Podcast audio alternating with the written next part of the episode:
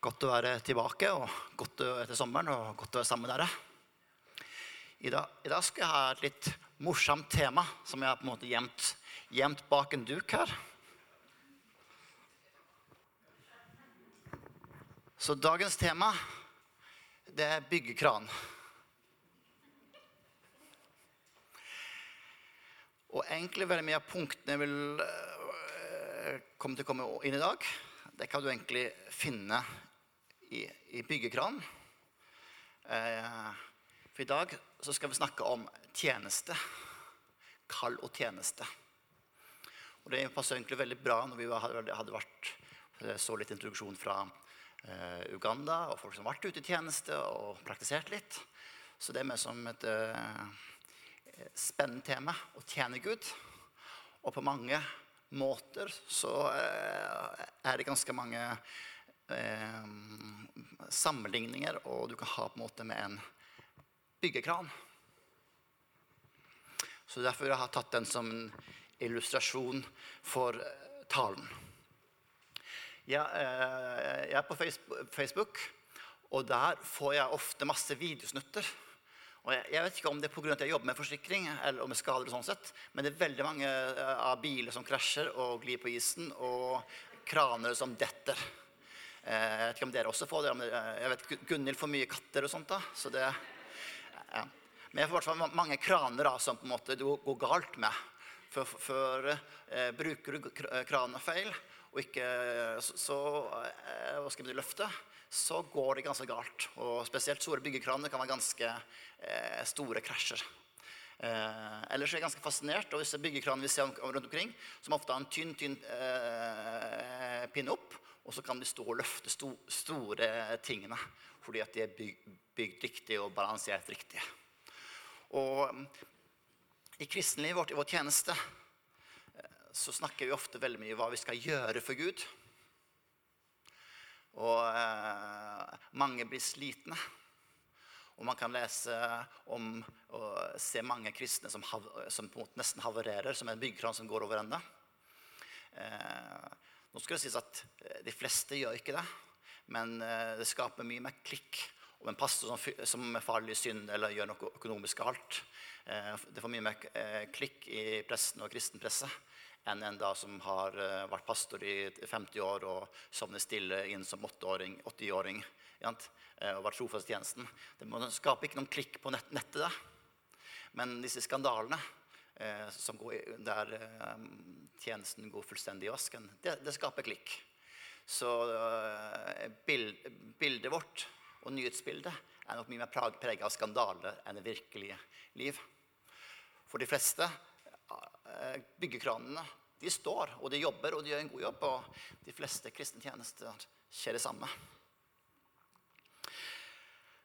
Og Grunnen til at en byggekran kan stå langt langt der oppe og jobbe, det er at det, stått, at det har, eh, er basert på et fundament. Det er et fundament på, på samme måte som kristen tjeneste. Det er basert på det Jesus har gjort. Kranen skal gjøre ting, men fundamentet er på det som er gjort. Jesus har betalt prisen for oss. Det er fullbrakt. Og han er hjørnesteinen. Og det er ut fra det vi kan stå fast. Det er ut fra det vi kan gjøre. Ofte i kristen forkynnelse så blir det en kontrast mellom vi, hvem vi er, og uh, være med Jesus, og det vi skal gjøre.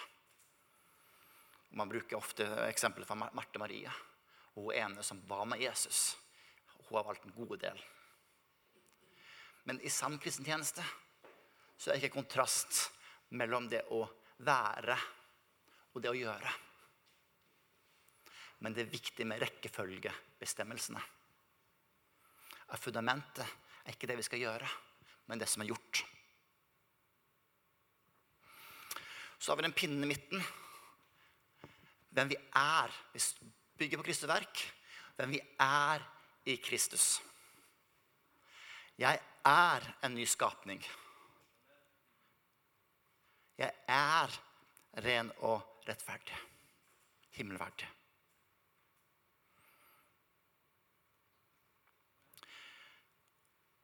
Og så stopper ikke opp der. For jeg er død med Kristus. Jeg er korsfestet med Kristus. Og i det så blir jeg en ny skapning. Jeg blir forhandlet. Jeg legger av med det gamle livet og kler på med det nye. Og da får jeg plutselig armer ut. Vi er Kristi armer ut til en liten verden. Og når vi har det fundamentet, Kristus i bunn, hvem vi er i Kristus, hvem vi blir når vi er i Han, da har vi et fundament for å gjøre. Så jeg syns det er en ganske god illustrasjon med her byggekranen. Og, bygger, og gjør du det riktig, så står du stabilt. Og du kan bære masse. For du har identitet. Ikke i hvem du er i deg sjøl, men du er fundamentert på Kristus. Og ut fra det så kan vi ha vår tjeneste og vårt kall. Så det er det jeg skal snakke om i dag. Hva er vårt kall? Hva er ditt kall? Og før du på en måte For å kunne oppdage ditt kall, så er det viktig at, må, at vi egentlig må oppdage vårt kall. Fordi at du står ikke aleine. Du står ikke eh, du st Vi er i en familie. Du står sammen med eh, hele kristenheten. Og alle har, oss har fått et felles kall. Så det er viktig å oppdage det for å kunne finne din plass. Så før du spør 'Hva er mitt kall?', spør 'Hva er vårt kall?' Eh, og eh, i en liten bedrift, hvis du jobber for en sjef og en to-tre ansatte, så kan sjefen må på en måte bestemme og forteller deg hva du skal gjøre. Men kommer du i en større bedrift, et større konsern, så kanskje lager de en opplæringsmanual eller en personalhåndbok for forteller hva du skal gjøre. Sjefen trenger ikke detaljstyre deg, for det er på en måte en eh, kultur og det er en opplæringssystem. Det er en manual for hva du skal gjøre. Og Når du kommer i Guds rike, så har vi også en manual. Hva er vårt felleskall som kommer frem gjennom boka. Og da er det Jeg tenkte å ta fire aspekter av vårt felleskall først, før jeg ser på hva er ditt kall. Vårt primære kall er egentlig til i en relasjon. Vårt kall er å være, bli, bli Guds barn. Bli frelst og komme inn til en pappa for relasjon til Gud. Det er det fundamentet og det er der alt kall og alt vi skal gjøre videre, og all tjeneste springer opp fra. At vi er Guds barn. Men når vi er Guds barn, så kommer vi inn i Guds familie. Og da er vi også inne i et fellesskap. Da er vi også søsken. Da er det sammen med alle de hellige. Det er med i menigheten, i fellesskap. Vi tilhører egentlig den universelle menigheten, som består av alle kristne til alle tider, til alle plasser. Men vi er også i et spesielt fellesskap, dere som går her.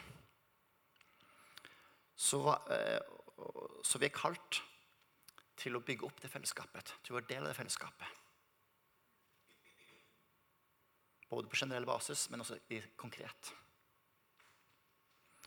Du, blir du med i førstegangstjenesten og blir med i Forsvaret, så blir du med i det norske hær, det norske forsvar. Men du blir ikke bare del av det. Du blir alltid satt i en avdeling sammen med andre mennesker. Så for å kunne stå i tjeneste, stå i kall, så er du avhengig av andre mennesker. Kristne liv er ikke noe solo. Det er fellesskap. Så forstår kall, så tenk også hva, hva, hva kaller Gud oss til? Oss Nordkirken Hall. Og så finner du din del der. Tilbake til vår kjære byggekran. For å kunne løfte mye her, så har man masse ballast her. Ellers så velter den. For å kunne gjøre noe stort i Guds rike, for å gjøre tjene, så må du ha mennesker rundt deg som en ballast du kan stå sammen med. Det er spennende å se det som skjer på Vigeland. Jeg liker på en måte det at det, det er mer som Arthur med team. For det er, som, det er noen som står på scenen, men det er også vanvittig mange andre som er teamet som bak, som støtter og som er med i hele byggverket. I menigheten her så har vi også noen få som står på scenen. Men for å kunne bygge og løfte, så er vi avhengig alle av byggeklossene i Legon. For ellers skulle den bare stått på bakken. Så vi er avhengig av hverandre. Vi er en kropp. Et legeme. Så i stedet for bare å spørre hva er mitt kall, hva er vårt kall, og så prøver man å henge seg med der. Så det er det primære. Relasjon til Gud og relasjon til Guds familie. Og spesielt til de menneskene Gud plasserer deg i nært fellesskap med. For det er sånn Gud har ønsket at du skal vokse. Ikke som solo, men sammen med de andre hellige. Det andre primære kallet vi har, det er Kan vi trekke ut fra Jesus si til disiplene Følg meg. Og Det er noe som han kalte disiplene de var ofte og fiska. Og så kom Jesus og sa, 'Følg meg, og jeg vil gjøre dere til menneskefiskere'. Men ikke, det gjelder ikke bare de. Det gjelder egentlig til alle kristne etter oss.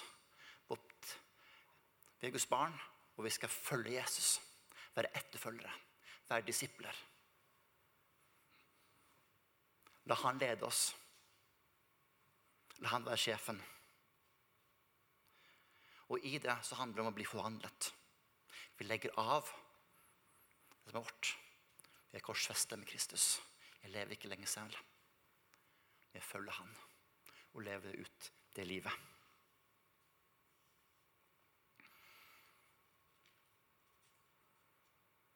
Vi er ikke bare rettferdiggjort. Det blir vi med en gang vi tar imot Jesus. Men så har vi et liv med helliggjørelse.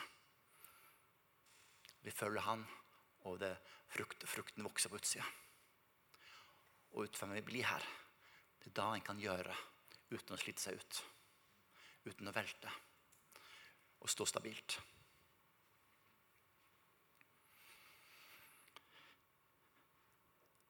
Det fjerde kallet vi har, faktisk, eller tredje, tredje kallet vi har som vårt kall, det er faktisk vi er kalt å være mennesker. Gjør som Gud, bli menneske. Vi er veldig glad i den åndelige sida. Vokse åndelig og sånn sett. Men Jesus ble menneske. Gud satte menneskene her på jorden. Vi er kalt å være mennesker og vandre på jorden. Være i verden, ikke av verden. Være salt og lys. Forvalte det. Gud har gitt oss menneskelige evner for vi skal bruke dem. Han har gitt oss våre kropper, vår kreativitet, våre tanker. Hvor du skal bruke til hans ære. Ofte så blir det åndelig og menneskelig satt som kontrast.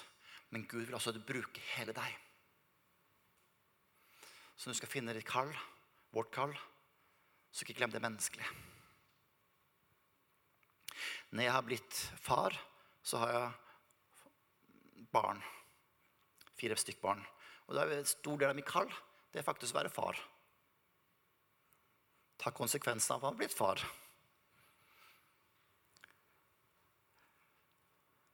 Så det menneskelige er viktig også for å leve ut et balansert liv. Er vi kun opptatt av det åndelige i tårnet her, så kommer det til å rase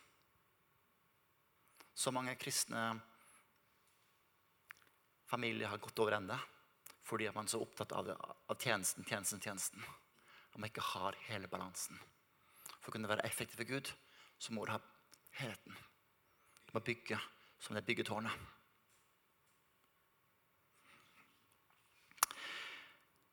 Det Fjerde siste punkt jeg vil snakke om vårt generelle kall. At når vi da står fast på Jesus, vi vokser som mennesker, vi vokser som fellesskap, vi lever ut et balansert liv, så er vi også sendt. Jesus sa at 'som Fader har sendt meg, sender jeg dere'. Jesus ble sendt ned på jorden på frelse til å frelse mennesker for å bety en forskjell og være Guds hender ut til liten verden. Og vi er Jesus forlengede hender. Jesus for opp til himmelen, og vi er nå hans hender ut. Hvem sender han oss som fellesskap til?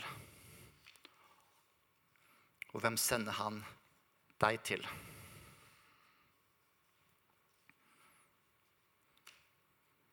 Så når, vi snakker litt om vårt kall, jeg vil gå over til ditt kall. Hvem er du på denne treet?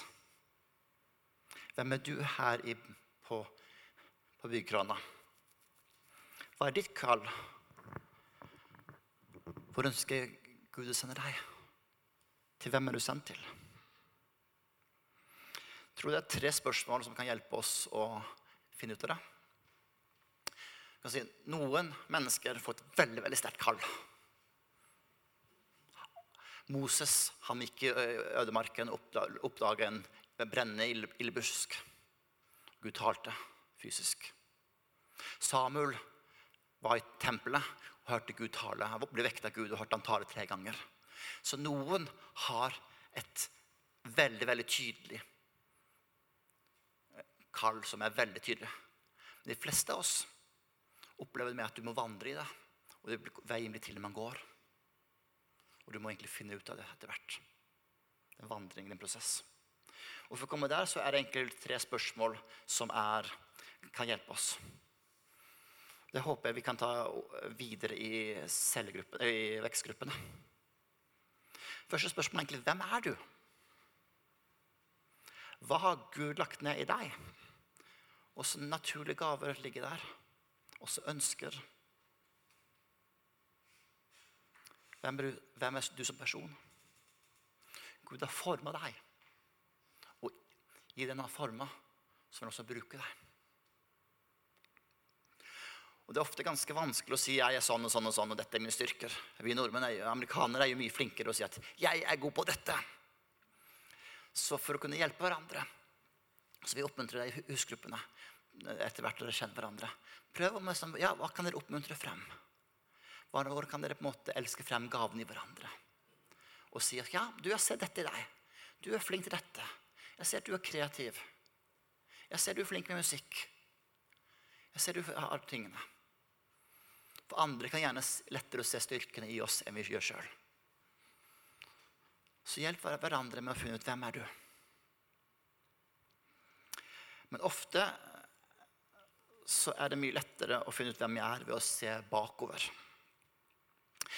På Stjernøy, der vi bor, så går det mange fly him på himmelen. Og de er høyt, høyt oppe, og det er bare en liten, liten prikk. Og Hvis man bare sitter på flyet, så er det nesten umulig å se hvor det skal. Men som regel så er det en jetstrøm bak. Og da ser jeg hvor det kommer fra. Og når jeg ser den stripen, så vet jeg som cirka hvor det skal. For de fleste rutefly de liker ikke å kjøre rundt omkring. De ønsker å komme til målet. Så sier jeg at jeg kommer derfra og skal dit, så kan jeg tenke ok, det er på vei til England. Det er på vei ned i Europa. Så ved å se jetstrømmen så kan du se hvor du, hvor du skal. Og mange av oss som har vandret med Gud en del år, har en jetstrøm bak oss. Og når vi ser på det, så er det med å sette retning for fremtida. Så hva har Gud gjort i fortida di? Hvor kommer du fra? I, i vekstgruppa har vi delt litt troshistorier. Folk har fortalt åssen de blir kristne, åssen Gud har ledet dem, de store eh, brikkene i livet. Og det er veldig inspirerende, og det er med å til retning for både dem og, og, som, som, deler, og de andre. Så hvilke tjenester har har fungert i? Hva har ikke fungert. Når vi har vandret med Gud i mange år, så har vi ofte opplevd at fått ord profetier. Vi har lest Bibelen. Det er ting som har stått ut ekstra. Så hva har Gud sagt til deg? Bibelen oppmuntrer oss til å prøve alt, altså prøve alle profetord, og ta vare på det gode. Ofte er vi dårlige til begge deler. Vi tar noen ting, og så tar vi som god fisk. Vi prøver ikke. Og så eh, tar vi heller ikke vare på det gode. Det er jo flaut å innrømme, men jeg har fått ganske mange ord oppover de siste 30 årene. Men det er så få ting jeg har skrevet ned, og det er så få ting jeg har tatt vare på. Så, så, så skriv ting ned, ta vare på tingene. Og så spytter vi i beinet, og så tar vi vare på godsakene. Prøv alt, og hold fast på det gode. Tredje spørsmålet. Hvor skal du? Er det noen drømmer du drømmer om? Har du noen mål for fremtida? Har du noen ønsker? Er det noe spesielt på hjertet? Noen spesielle folk? Tør å drømme. Tør å snakke om det i små grupper.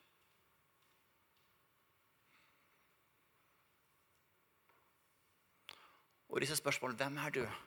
Hvor kommer du fra? Hvor skal du? Når du gjør det i en kontekst av et fellesskap der vi har et felles kall, så vil det være med å utkrystallisere ditt kall. Jeg har et veldig godt bilde til. Rekvisitt nummer to. Det er en trakt. Den kan snus to veier, enten den veien eller den veien. Bruk, bruker den sånn, så kan jeg gå ut i regnet, få veldig lite regn på meg. Men ikke sånn den er ment å brukes. Og ofte så prøver en å finne seg kall. Gud, hvor er den ting jeg skal prøve å treffe? Og vi strever med å komme inn i Guds plan. Men jeg tror at Guds plan ser sånn ut for deg.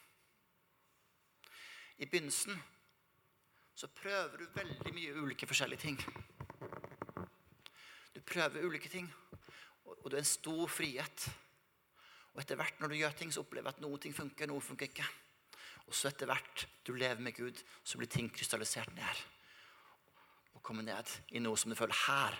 Nå tjener jeg ikke bare ut fra eh, noe som jeg må gjøre. Nå tjener jeg ut fra noe som er meg. Ut fra hvem jeg er blitt. Så for å komme inn i tjeneste, bruk trakta. Tenk hvitt så prøver du masse ulike ting. Jeg liker det Arthur sier på en måte må gønne på. Eller som Nike sier 'just do it'. Just do something. Kanskje søndagsskolen er noe for deg. Jeg også vet hvis du aldri har prøvd. Prøv litt småting. Så eh, eksperimenterer du, så ser du at wow, dette, dette fikk jeg energi av. Det er ikke all tjeneste som er behagelig, men du kan oppleve at wow, du tjener ut fra hvem du er. Hva Gud lagt ned deg. Dine evner og gaver. Og så gir det mer smak, og så blir du mer krystallisert, og så kommer du dypere og mer snevert. Men tenk, begynn hvitt.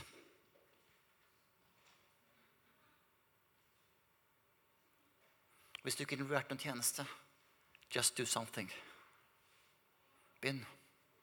Gå, og så blir veien til når du vandrer.